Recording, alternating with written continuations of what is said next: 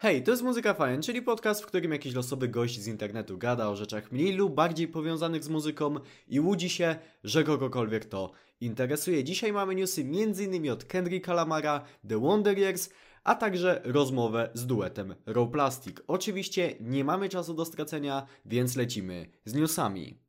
I niestety newsy zaczynamy od bardzo smutnej informacji. Mianowicie Dance Gavin Dance poinformowało o śmierci swojego basisty Tima Furika.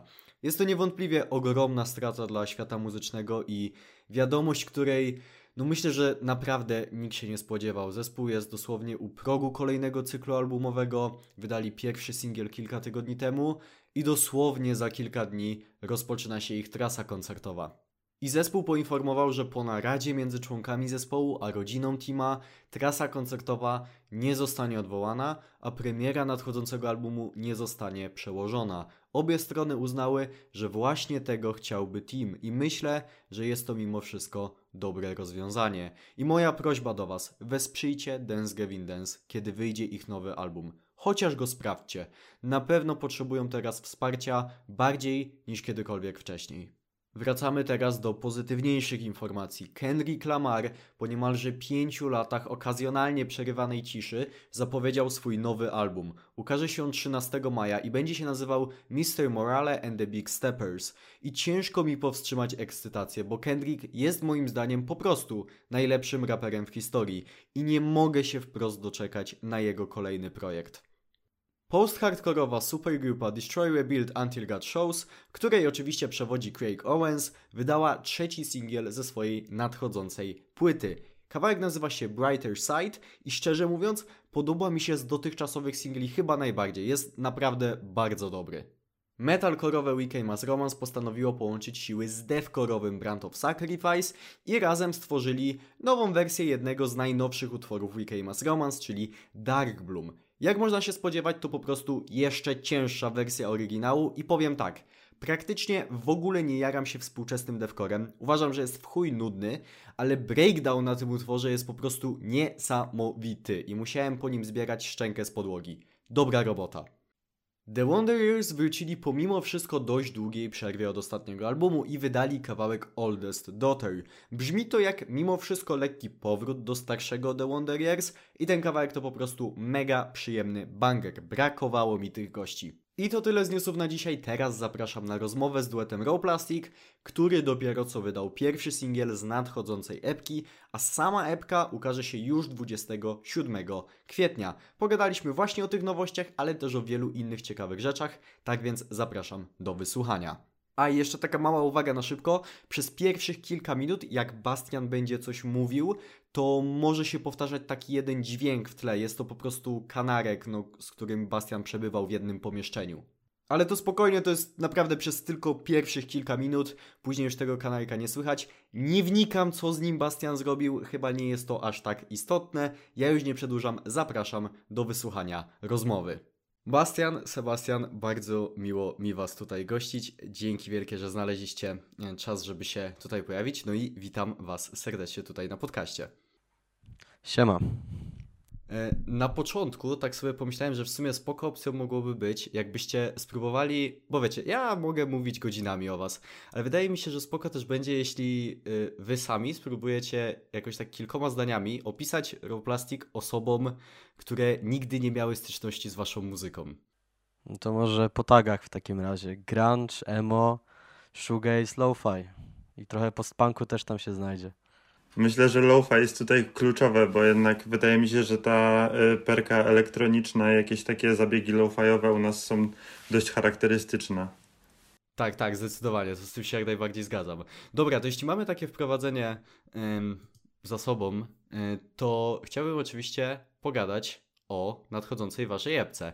Mamy już pierwszy singiel za sobą. Epka wychodzi już za chwilę, bo 28 kwietnia, o ile dobrze pamiętam. E, no i chciałbym też pogadać sobie o tym właśnie pierwszym singlu. E, przede wszystkim o teledysku, ponieważ jestem prawdę, prawdę mówiąc ogromnym fanem tego teledysku i chciałbym się dopytać w ogóle, kto go zrobił, jak się e, zrodził pomysł na niego i tak dalej, i tak dalej. a więc teledysk jest dzieckiem moim i Wojtka Pawlaka, który gra z nami w syndromie. I no, Wojtek jest mistrzem 3D, że tak powiem. I no, ja miałem taki pomysł, że fajnie byłoby zrobić coś, co nawiązywałoby do do rzeczy, którą się jakby jaramy w sumie wszyscy w syndromie, czyli e, gry z tak przełomu lat 90., 2000, tam te takie low poly era, e, PlayStation 1, Nintendo 64 i tak dalej, tamte czasy, a że te kawałki nasze Roplastic są dość takie nostalgiczne i takie przynajmniej mam wrażenie to wydaje mi się, że jakby ta estetyka tutaj mocno, y, mocno dobrze współgrała y, z, z muzą. I miałem taki pomysł, że no, ten kawałek się nazywa y, Crying on the Surfboard, to że akurat to będzie idealny pomysł, żeby zrobić teledysk game, taki gameplayowy w stylu Wave Race czy innych takich ściganek wodnych, że tak powiem. Okej, okay, no to w takim razie to ma dużo sensu, bo pamiętam, że Wojtek zrobił swego czasu e, taki chyba filtr na Instastory z tak, tak okładką tak, tak. małych pokoi w 3D, więc to ma dużo sensu w takim razie. I mega mi się też podoba, ile tam jest różnych nawiązań, nie tyle do samego Roplastic, co w ogóle do całego świata, jak gdyby Peloton Records, bo tu mamy jakieś tam banery z lochów i smoków, tu jeszcze z czegoś innego, więc naprawdę mega spoko sprawa. Yy, Okej, okay. teraz chciałbym pogadać jakby o epce może bardziej jako całość nowej, bo mam wrażenie, że ona brzmi przynajmniej tak czysto muzycznie nieco radośniej od poprzednich waszych wydawnictw. Słuchając jej autentycznie, no, czuję tą wiosnę i choć oczywiście y, dalej shoegaze jest tutaj dominujący i bardzo dobrze, że jest, to jednak czuję też trochę takich, ja wiem, może nawet pop-punkowych wpływów w tym materiale. Nie wiem, czy jesteście w stanie się z tym zgodzić, czy ma to jakikolwiek sens. Ja się zgadzam, ale to, czy jest bardziej radosny, to no nie wiem. Raczej byliśmy smutniejsi, jak go pisaliśmy. No, też jestem w sumie zdziwiony, że, że ten, no bo w sumie jakby mam wrażenie, że jest taki balans między, między smutnymi i wesołymi momentami na tej epce podobny, podobnie jak na poprzedniej, bo na poprzedniej też w sumie były kawałki typu e, Car Parks, który jest dość taki energiczny, we, powiedzmy wesoły, no bo nie wiem na ile tej, w, w tych kawałkach w ogóle można mówić o e, takim wesołym vibe per se, ale e, no, na pewno towarzyszyło nam dużo jakichś takich negatywnych emocji, co w sumie e, najbardziej słychać na ostatnim kawałku, na, mhm. na epce. No tak, to, to, to jak najbardziej. I, I sam tytuł, jakby e, Stuck on Spring, to on nawiązuje trochę też do poprzedniego tytułu epki, czyli Waiting Till Summer, bo no, mieliśmy taką kminę, że po prostu czekasz na, na lato, ale mentalnie jakby utknąłeś na tej wiośnie, czyli w takim momencie, że niby zaczyna być git, ale jeszcze nie jest do końca git i jesteś w takim zawieszeniu jakby, nie? Mhm. Przez to, no. Znaczy, y, to tu jak najbardziej się zgadzam. Bardziej mi chodziło tak czysto o y, warstwę muzyczną, bo to, że y, lirycznie, czy też jeśli chodzi o sam tytuł epki, no to wiadomo, że no nie jest to najpewniej najradośniejsze wydawnictwo, jakie, jakie słyszałem w tym roku. Chodziło mi tak czysto o, mm, o warstwę muzyczną, no bo jednak mamy dość sporo tych, tych pop-punkowych elementów. Mhm. Ale dobra, chciałem jeszcze się dopytać, bo w sumie nie jestem do końca pewien, jak to wygląda. Mianowicie chodzi mi o y, podział obowiązków przy tym projekcie. W sensie, czy to działa tak, że wy w sumie robicie mniej więcej to samo, tylko jakoś się tak przeplatacie? Czy może jednak macie jakoś tak sztywno ustalony podział obowiązków? Znaczy, myślę, że ten podział jest dość jasny.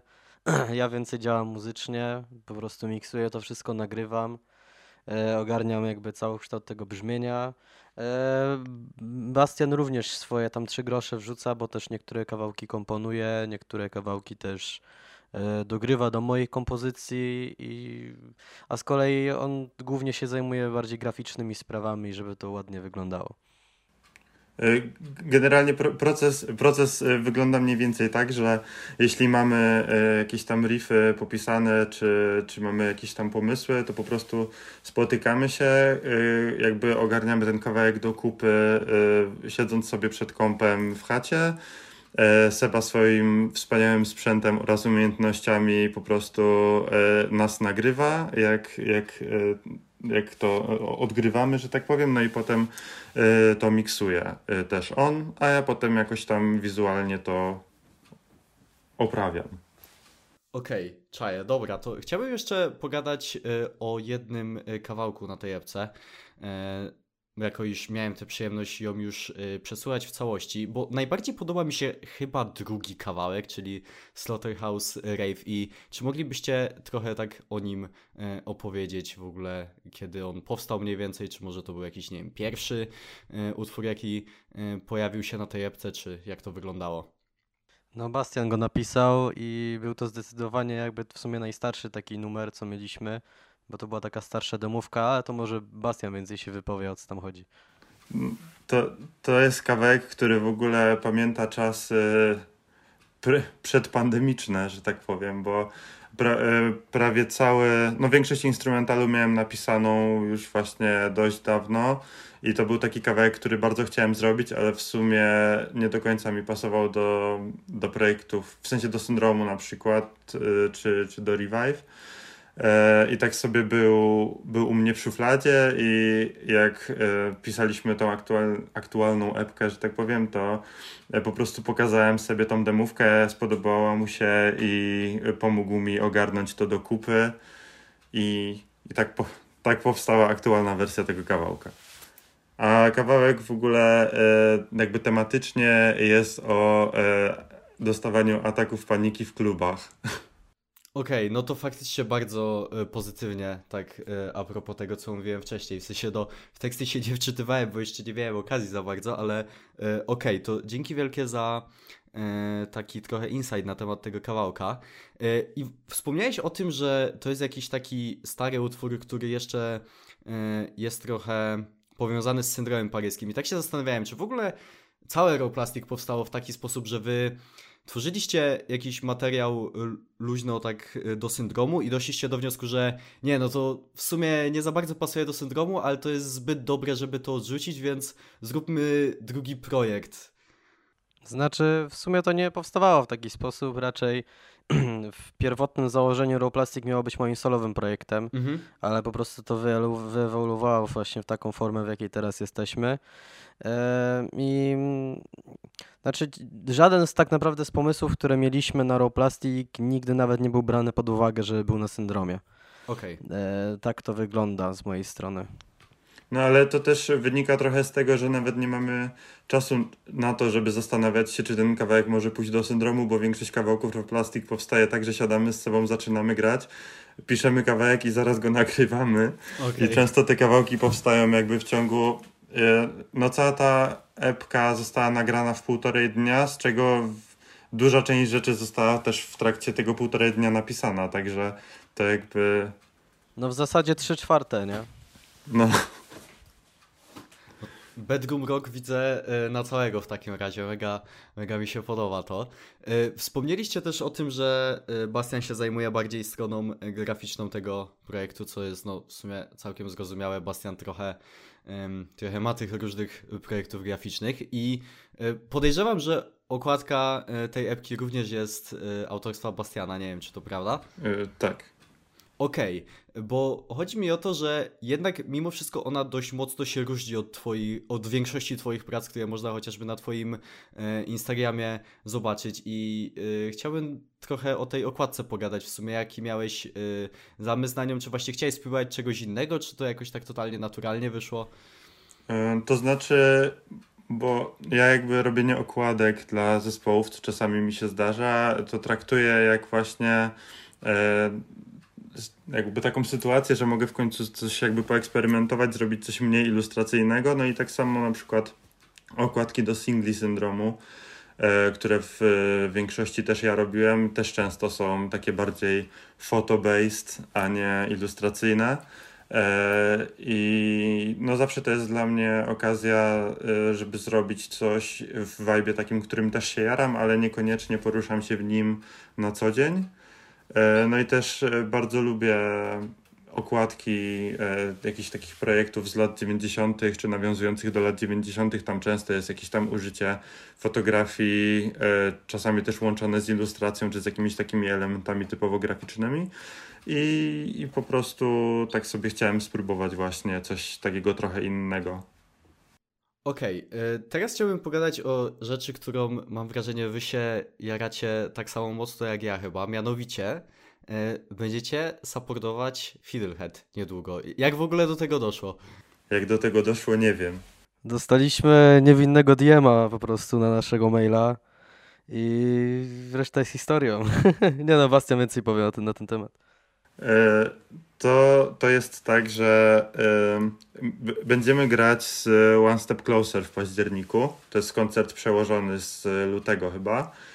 E, za koncert ten odpowiada Winiary Bookings. E, no i e, jakby ten booker niemiecki, który organizuje koncert Fiddlehead, jakby odkrył nas przez to, że jesteśmy wydawani w NMZ w Stanach i przez to jakoś tam właśnie nas posłuchał i potem obczaił, że właśnie będziemy grać z One Step Closer na koncercie organizowanym przez Winiary i napisał do winiary, że chciałby nas zabukować na ten koncert i czy jakby mogliby mu dać jakiś namiar do nas.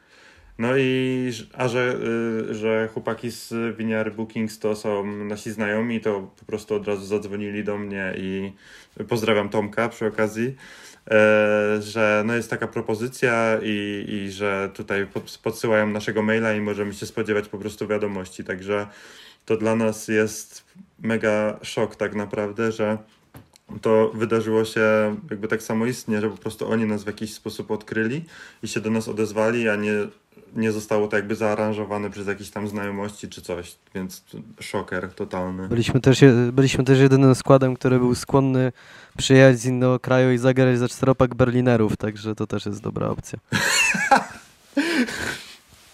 za hot doga. Za hot doga, nie? Ewidentnie. W sensie to zawsze spoko jest, jak faktycznie takie y, rzeczy tak samoistnie się dzieją, a to nie na takiej zasadzie, że po prostu was wsadzili na ten jeden line-up, no i w sumie ten Fiddlehead tak no stwierdził, że no mogą zagrać, jak już ich tam daliście, to mogą w sumie zagrać, nie? Więc to mega. Shoutout Winiary Bookings i shoutout NMZ. Chciałbym jeszcze pogadać o waszym poprzednim wydawnictwie.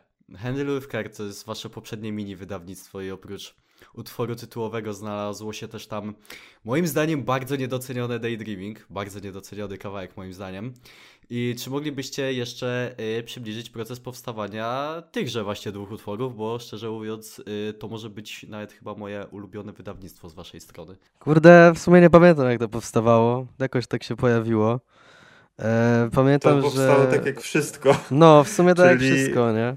Czyli ktoś miał riff, ktoś dodał drugi riff i spotkaliśmy się i nagraliśmy to od razu tak naprawdę. I w sumie z Handle with Care było tak, że Seba miał ten y, główny riff, y, ja dodałem Okej, okay, dobra, riff, sorry, potem... sorry. Ja cofam to, co mówiłem, że nic, co miałeś do syndromu nie pojawiło się w Europlastic. Akurat faktycznie. Handle with Care to w ogóle powstało najpierw jako taka demówka E, taka totalnie e, w stylu jakiegoś Farkaspian, nie? I chodzi o tą główną melodyjkę, która tam, tam siedzi i w ogóle cała progresja akordów z tego była wzięta. I aż w końcu się po prostu wkurzyłem i powiedziałem, dobra, to nie może zginąć i wtedy faktycznie to neuroplastik wziąłem, ale oprócz tego to wszystko jest... Okej, okay, no. okej. Okay. Tak, faktycznie. No, ta melodyjka była, była napisana, potem pod tą melodyjkę jakby Seba dodał te akordy riffu tego y, jakby zwrotkowego i potem jakoś dopisaliśmy resztę i, i, i nagraliśmy. A Daydreaming to jest y, typowo kawałek, który Seba chyba napisał cały sam. Tak, po tak. prostu i po, podesłał mi w takiej formie bardzo akustycznej i potem po prostu zrobiliśmy z tego trochę szerszą taką aranżację, ale to też jakby bardzo sprawnie powstało. Ja się nasłuchałem, nasłuchałem się po prostu o Oasis i Blura w tamtym czasie i stwierdziłem, że taką progresję akordów zrobię na refrenie i taka jest historia powstania tego numeru. O i to był też numer, napisa- gdzie tekst był napisany, kiedy e, pracowałem w Wielkiej Brytanii, dlatego jest dość ponury i taki nie dający zbytniej nadziei generalnie, że coś się zmieni i poprawi, nie? E, Chciałem się jeszcze zapytać o to, bo e, nie wiem, czy dobrze kojarzę daty, ale część przynajmniej teledysku do Handle w Krakowie pamiętam, o ile dobrze pamiętam, w Burger Kingu nagrywana, co nie? Tak, tak, I to chyba było dzień po waszym koncercie w Krakowie, z tego co pamiętam, wy chyba w trasie po prostu tak. Okej, E, gdzie ten Burger King był? Na, przy autostradzie. Wielkie pozdro dla tego Burger Kinga, ale tak po prostu wbiliście i powiedzieliście, że chcecie nagrywać i... W, wbiliśmy tam zjeść i ja stwierdziłem, że to może być spoko motyw, żeby nagrać tam fragment klipu. Poszedłem do kierowniczki i się zapytałem, czy możemy nagrać. I powiedziała, że o ile nie będzie innych ludzi widać, jakby tam klientów, no to że, że spoko. I nagraliśmy. Zajebiste. Dobra, szatał ten Burger King przy autostradzie. E, Jeszcze jedną rzecz chciałem na koniec już e, zapytać, mianowicie wasz content na Insta, Instastory. Kto za niego odpowiada? Czy wy odpowiadacie obaj za niego? Bo ja naprawdę, przeglądanie Instastory Raw Plastic to jest moja dzienna rutyna. Wiesz co, to wygląda trochę tak, że jak masz takie normalniejsze rzeczy, to raczej Bastian, a ja po prostu ostatnim czasem spędzam no po prostu godziny szukając po prostu takich najbardziej obrzydliwych TikToków, nie? Tak, takich tak. po prostu wiesz, że jakiś człowiek z Turcji nagra sobie filmik, że idzie ulicą, nie, na przykład. Tak. Mnie to tak Jak bawi, masz- że ja to postuję, nie, od razu. Jak masz polskiego TikToka z żulem, to na pewno wrzucił go Seba. Okej, No, dobra, o to mi chodziło głównie właśnie. Ja raczej takie memy z, z, z angielskich jakichś e, stronek postuję, ale Seba tutaj top tier content TikTokowy po prostu za, zapewnia. Ale Ja ten, też po prostu ten, chciałem przypomnieć naszym e, słuchaczom z Ameryki, że no jesteśmy jednak zespołem z Polski, a nie tutaj. Bardzo dobrze. Tak. Znaczy, Właśnie przyznam szczerze, tak właśnie podejrzewałem, jakby ktoś się mnie spytał, tak jakby miał powiedzieć, kto odpowiada za tą TikTokową stronę, a kto za te bardziej jakieś, nie wiem, emo popankowe memy, to bym właśnie tak, e, tak to podzielił, więc w sumie spoko. Ale no ten nasz Instagram to w ogóle powstał w taki sposób, że no my jak zaczęliśmy nagrywać pierwsze kawałki, to nawet nie myśleliśmy za bardzo, żeby social media zakładać, ale chcieliśmy mieć coś, gdzie będziemy wrzucać gówno content po prostu. No, I stwierdziliśmy, że założymy tego Instagrama i będziemy po prostu postować tam memy. I tak działamy dalej. no właśnie, że mamy taką taktykę, że story to jest po prostu jakby dziki zachód, a tam ten content e, taki normalny, no to staramy się jednak tam go w miarę spoko robić, e, z jakimiś lekkimi odchyłami, ale generalnie według tego planu tutaj kroczymy do przodu. Mówiliśmy wcześniej o tym, że będziecie supportować e, Fiddlehead, e, jednakże to jest no jak gdyby poza naszymi granicami, ale tak się składa, że będzie można też was zobaczyć niedługo w Polsce, bo macie mini tour. Czy moglibyście jeszcze tak na szybko o nim powiedzieć?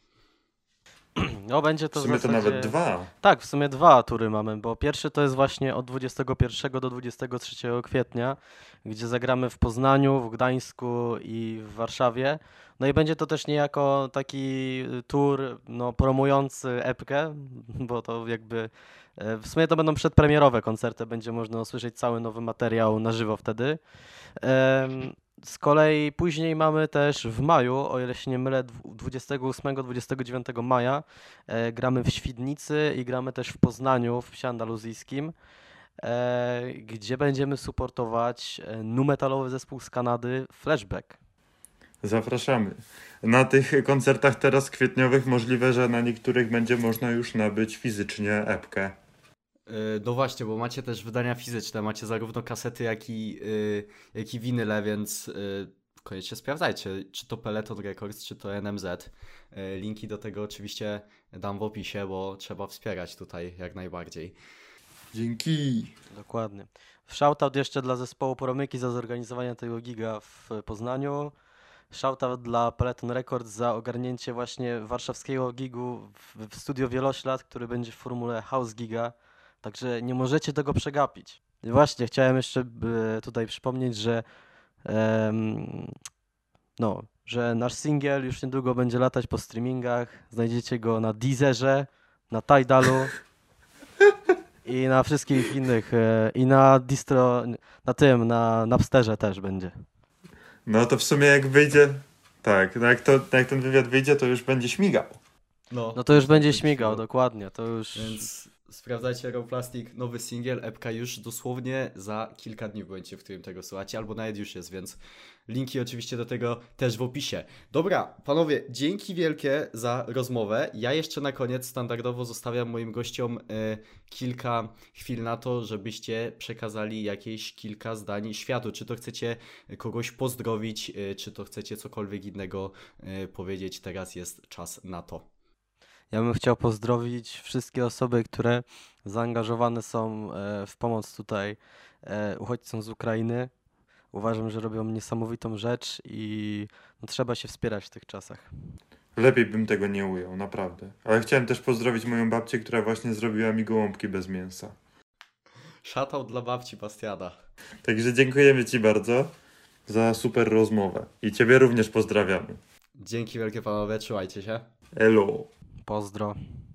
I to by było na tyle, jeśli chodzi o dzisiejszy epizod Muzyka Fajem Podcast. Dzięki wielkie za wysłuchanie go do końca. Standardowo przypominam o tym, że w opisie tego podcastu znajdują się linki m.in. do mojego serwera Discord, do mojego kanału na YouTubie, na TikToku, tego typu rzeczy. Wszystko tam znajdziecie. No i znajdziecie też tam linki do nowego singla Raw Plastic. Koniecznie sprawdzajcie. Ja już nie przedłużam. Dzięki wielkie raz jeszcze za wysłuchanie. Życzę Wam miłego dnia bądź wieczoru i do usłyszenia w następnym epizodzie. Hej!